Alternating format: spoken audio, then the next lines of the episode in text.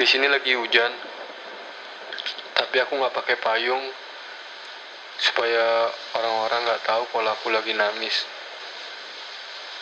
By the way, telepon 5 menit lagi ya. Aku nyari tempat berteduh dulu.